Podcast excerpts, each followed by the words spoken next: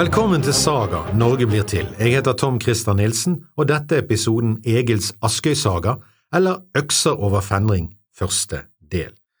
Denne podkasten kommer gratis til deg på grunn av gavmildheten til Radio Askøy og den uforlignelige Kim Andreassen bak spakene.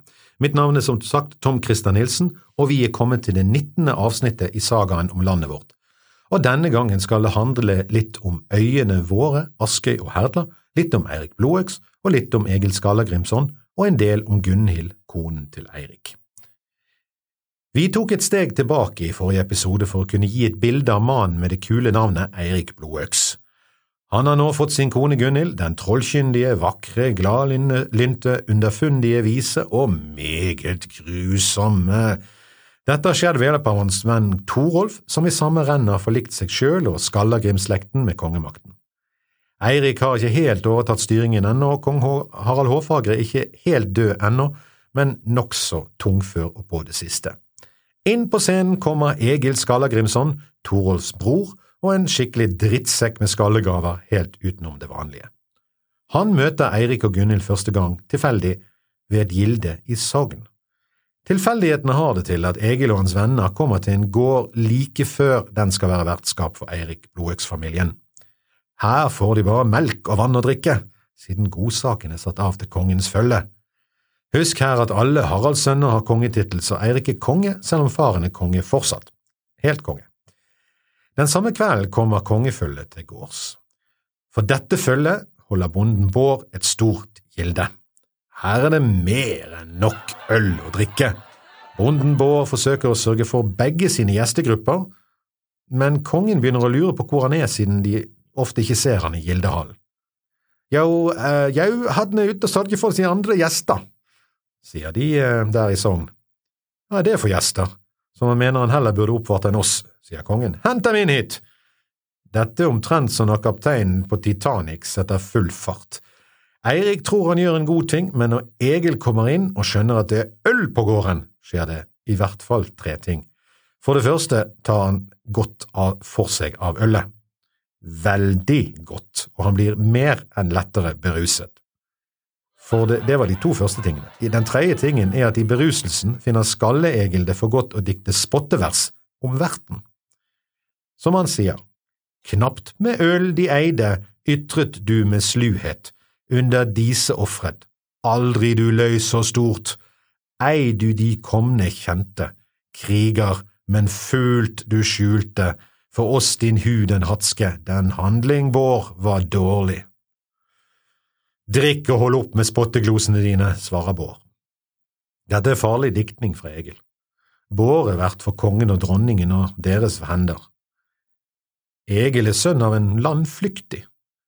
Egil fortsetter å drikke med begge hendene, han drakk de horn han sjøl fikk, og mesteparten av de mannen ved siden av han fikk også.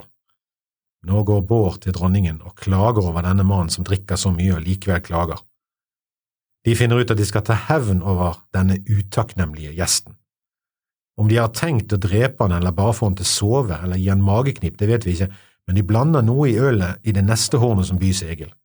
Her er den grusomme trollkvinnen til stede. Men full som han er, aner Egil ugler i mosen eller varg i Veum. Har han sett noe?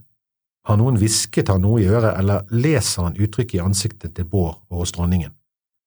Når Egil får hornet, stikker han seg sjøl i hånden med kniven, risser runer i hornet og smører sitt eget blod utover det. Han kveder en besvergelse over hornet som avslører at han mistenker Bård for å forgiftet eller forhekset drikken. Nå skjer det noe magisk. Hornet går i stykker, og ølet renner ned i halmen. Gjestene får aldri vite om det var gift i begeret, men dette ses på som at Egils runer og besvergelser har bevist at det var noe galt. Derfor sprakk hornet av seg sjøl. Det er dette folk rundt tror. En mer sannsynlig forklaring er nok at Egil rett og slett har knekt hornet med sine kraftige hender. Egils reisekamerat og sidemann, han som Egil har drukket ølet til, ser ut til å dra nytte av sin edruskap. I sagaen sies det at han fikk vondt, men sannsynligvis skjønte han at nå var kompisen eh, at når kompisen ble forgiftet av dronningen og verten, da var gjestfriheten oppbrukt og det var på tide å komme seg derifra. Men Bård gjør et feiltrekk. Han forsøker å rette opp Han kommer etter de med et nytt horn med øl og ber de drikke avskjed. Denne gangen drikker Egil hornet ut og kaster det så fra seg, trekker sverdet sitt og renner det rett og slett gjennom Bård og dreper han. Sånn helt uten videre. Jaha, var dette så lurt, da? Var det smart? Når kongen oppdager dette, sender han folk ut etter Egil. Egil har løpt sin vei, og han har forsøkt å finne et skip eller en båt for å komme seg unna. Selv en full Egil skjønner at dette er kanskje ikke verdens største sjakktrekk. Hele natten løper han for å finne en båt, og kongens menn etter. I grålysningen skjønner han at han ikke finner noen båt, og legger heller på svøm ut til en liten øy. Der gjemmer han seg. Tolv av kongens menn kommer etter hvert ut på øyen der Egil gjemmer seg i noen busker. Han venter til de har gått forbi,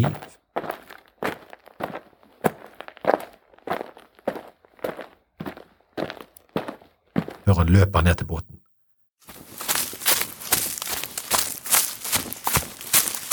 Der er det tre stykker som står igjen og vokter båten. Han kommer på de overraskende og dreper den ene med ett hugg av sverdet. Nummer to løper av gårde innover øyen for å hente de andre ni, men Egil løper etter og hugger av ham et bein. Så setter han kursen mot båten igjen. Den siste mannen holder på å forsøke å komme seg unna ved å skyve båten ifra, men Egil er for rask drar båten inn og dreper han også.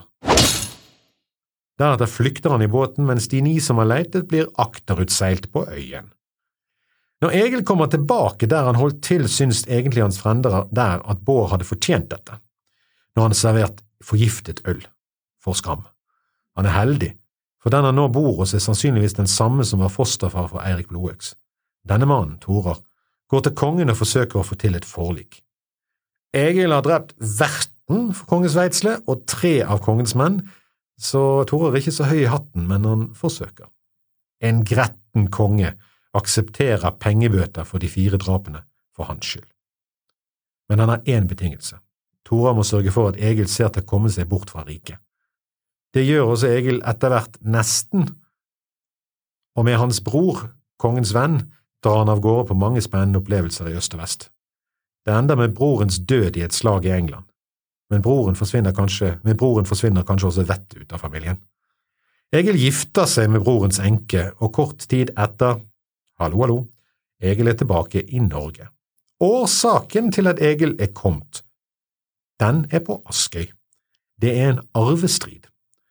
Arven det er snakk om, er på Ask, ja, altså vårt Ask, på Askøy, eller Fenring som det da het. Han som Egil mener har stjålet arven, heter Bergønund eller Ønund og er en god venn av konge og dronning. Dette høres ikke ut som noe som skal gå bra. Det mangler ikke på advarsler. Men Egil drar til Norge og til Ask. Der tropper Egil opp en dag med 20 mann og vil ha arven sin.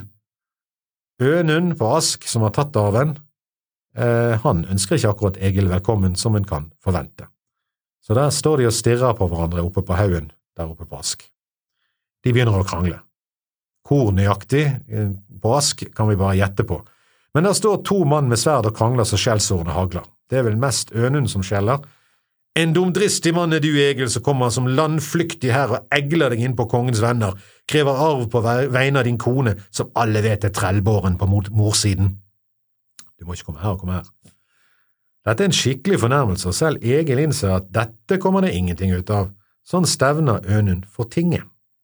Til gule ting skal jeg komme, og det kommer ikke til å være min skyld om du kommer uskadd derifra, sier Ønund. Den Egil bor hos denne gangen mens han venter på Gulatinget, er nevø av hans kone. Han blir skikkelig forbannet over at noen har påstått at hun er trellbåren. Så han drar rett til kongen og dronningen for å klage. Det blir ikke tatt godt opp. Kongen er sint, og dronningen blir enda sintere når de får lest teksten av Egils frende og han til slutt bare kort sier at han ber kun om lovens beskyttelse. Igjen er Egil havnet på kant med Eirik Blodøks.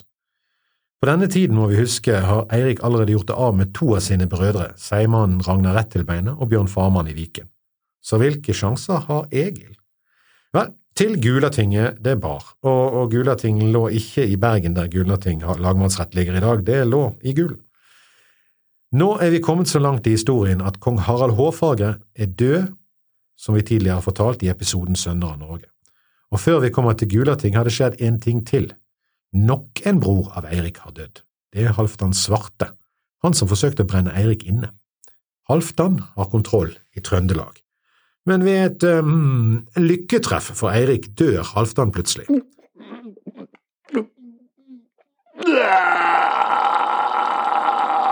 Han drikker et forgiftet beger. Høres den historien kjent ut? Den høres rett og slett for kjent ut for vikingtidens folk. Alle er fullstendig overbevist om at det er dronning Gunhild som står bak her også, og har forgiftet også dette begeret. Eirik regner nok med at trønderne nå skal ta han til konge, men det gjør de ikke. I stedet velger de en annen av hans halvbrødre, Sigrød, som konge. I Viken har de valgt en annen halvbror, Olav, som konge. Det ryktes nå at trønderkongen og vikenkongen skal sette seg i stevne i Viken. Det bygger opp til strid, og Eirik trenger menn til sin leiang og hær. Derfor er dette et særdeles dårlig tidspunkt for å komme på kant med folk. Men før Eirik kan samle sin hær, må han holde Gulating, tinget for Vestlandet. Og her kommer irriterende nok Egil og hans arvestrid opp. Det sentrale spørsmålet er om Egils kone har arverett. Det har hun dersom hennes mor har fått medgift. Det er dette som blir hovedpunktet i forhandlingene. Velkommen til tings. Og hvorfor sier vi til tings og ikke til ting? Jo, det er en arv fra norrønt språk til en preposisjon som styrer genitiv. Dermed blir det til tings, til lands, til vanns og i luften, selv om den slags ikke lenger er en del av norsk språk egentlig, men forsøk å si til vann, og du merker at det betyr noe helt annet enn til vanns. Det ene betyr at du er på vei til vannet, og det andre at du er på vannet. Nu vel, språkfundamentalisme til side, det er tingtid. Til tinget kommer alle mannsterke, men uten våpen. Egil får første ord og krever sin rett. Ønen får så ordet, og det går noe sånn. Min kone Gunhild er den rette arving, men du, Egil, vil her som ellers fare fram med urett og vold men det skal ikke nytte, for både kong Eirik og dronning Gunhild har lovet meg at her skal det skje med lov og rett. Jeg ber om at din kone blir kjent for trellkvinne fordi hun ble født mens foreldrene var langflyktige. Dette var sterke ord, det var farlige ord. Her involveres kongen og dronningen i saken, og han ber rett og slett om at en fribåren kvinne skal dømmes som trell eller slave. Men det virkelige problemet er at Egils frende, konens nevø, en mann med talegaver og orden i sysakene han vet at foreldrenes landflyktighet var opphevet av kongen da Egils kone ble født, og han har vitner på det, tolv av de. Dette vet kongen også, og han er i ferd med å bli temmelig rød i toppen og i ferd med å bli satt i forlegenhet. Egils frende ber nå om at vitnene får avlegge ed for dommerne på tinget. Dommerne vender seg mot kongen og vil ta imot eden om kongen ikke forbyr det. Kongen er i en knipe. Det ser ut som han vil tape saken fordi han sjøl har opphevet landsforvisningen av Egils svigerfar. Han er i villrede. Jeg vil verken gi lov til det eller forby det, sier han. Men da mister dronning Gunhild fatningen. Hun liker ikke det hun ser og hun hører, og nå griper hun inn. Dette er egentlig helt uhørt, men hun henvender seg til kongen og freser. Er det ikke underlig, konge, at du lar denne Egil forvikle alle saker for deg? Hva om han traktet etter ditt kongedømme, ville du da heller, heller ikke sette deg opp mot han? Dette er ganske uforskammet og nedverdigende tale mot en konge, det blir en slags tøffelheltkonge av dette.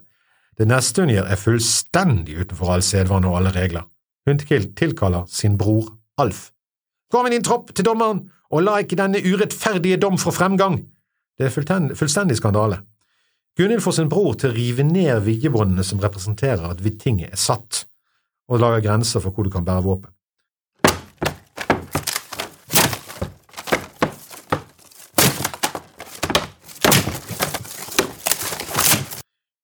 Nå blir det tumulter. Dette har aldri skjedd før. Hadde ikke vært for at ingen fikk møte på tinget med våpen, kunne det gått riktig galt for veldig mange. Egils frender begynner å synes at det nærmer seg på tide å komme seg vekk. Men ikke Egil. Nå utfordrer han sin motstander til holmgang. For de som ikke vet hva holmgang er, jeg regner med at det er ikke mange. Men det betyr altså tvekamp til døden. Kan Ønund høre meg? roper han. Ja, det kan jeg, lyder det tilbake. Da utfordrer jeg deg til holmgang. Vi kjemper her på tinget. Den som vinner, får arven vi tvister om, og du skal være manns niding om du ikke tør. Det er harde ord med kvass sverdegg bak. Men det er ikke Ønund Bonde fra Ask som svarer nå. Det er kong Eirik som reiser seg i tumulten. Er du så ivrig etter å stride, Egil, så skal jeg gi deg mulighet til det. Men kongens, med kongen som motstander besinner sjøl Egil seg. Han kjemper gjerne mot like, men ikke mot overmakt, som han sier. Men nå føler virkelig Egils frender at de har strukket strikken langt nok og vil ha ham vekk. Men Egil snur seg nok en gang og roper. Jeg kaller deg til vitne, Arnbjørn og deg, Tord, og alle de menn som nu kan høre mine ord, lensmenn og lagmenn og menige allmue, at jeg nedlegger forbud på alle de jorder som Bjørn Brynjolfsen eide, forbud mot å bebo det og dyrke det og få gavn derav og nyte av det. Forbud nedlegger jeg mot deg, Ønund, og mot alle menn, innenlandske og utenlandske, høye og lave, og den som bryter det, kaller jeg skyldig i lovbrudd og fredsforstyrrelse og hjemfalt til gudenes vrede. Det er store ord fra en landflyktig og antyder vel at Egil kanskje har litt høye tanker om seg sjøl. Nå får Egils frender ham endelig vekk, og de går fra tinget. De er enige om at her uh, har det skjedd en stor urett, men nå gjelder det å komme seg vekk før kongens menn får tak i våpnene sine. Kong Eirik fører sine folk fra tinget og ned til sine skip. Der på stranden holder han husting og erklærer at nå er han lei, nå vil han ta livet av Egil og alle de som hjelper han. Dermed setter kongens folk og Eirik sjøl etter Egil.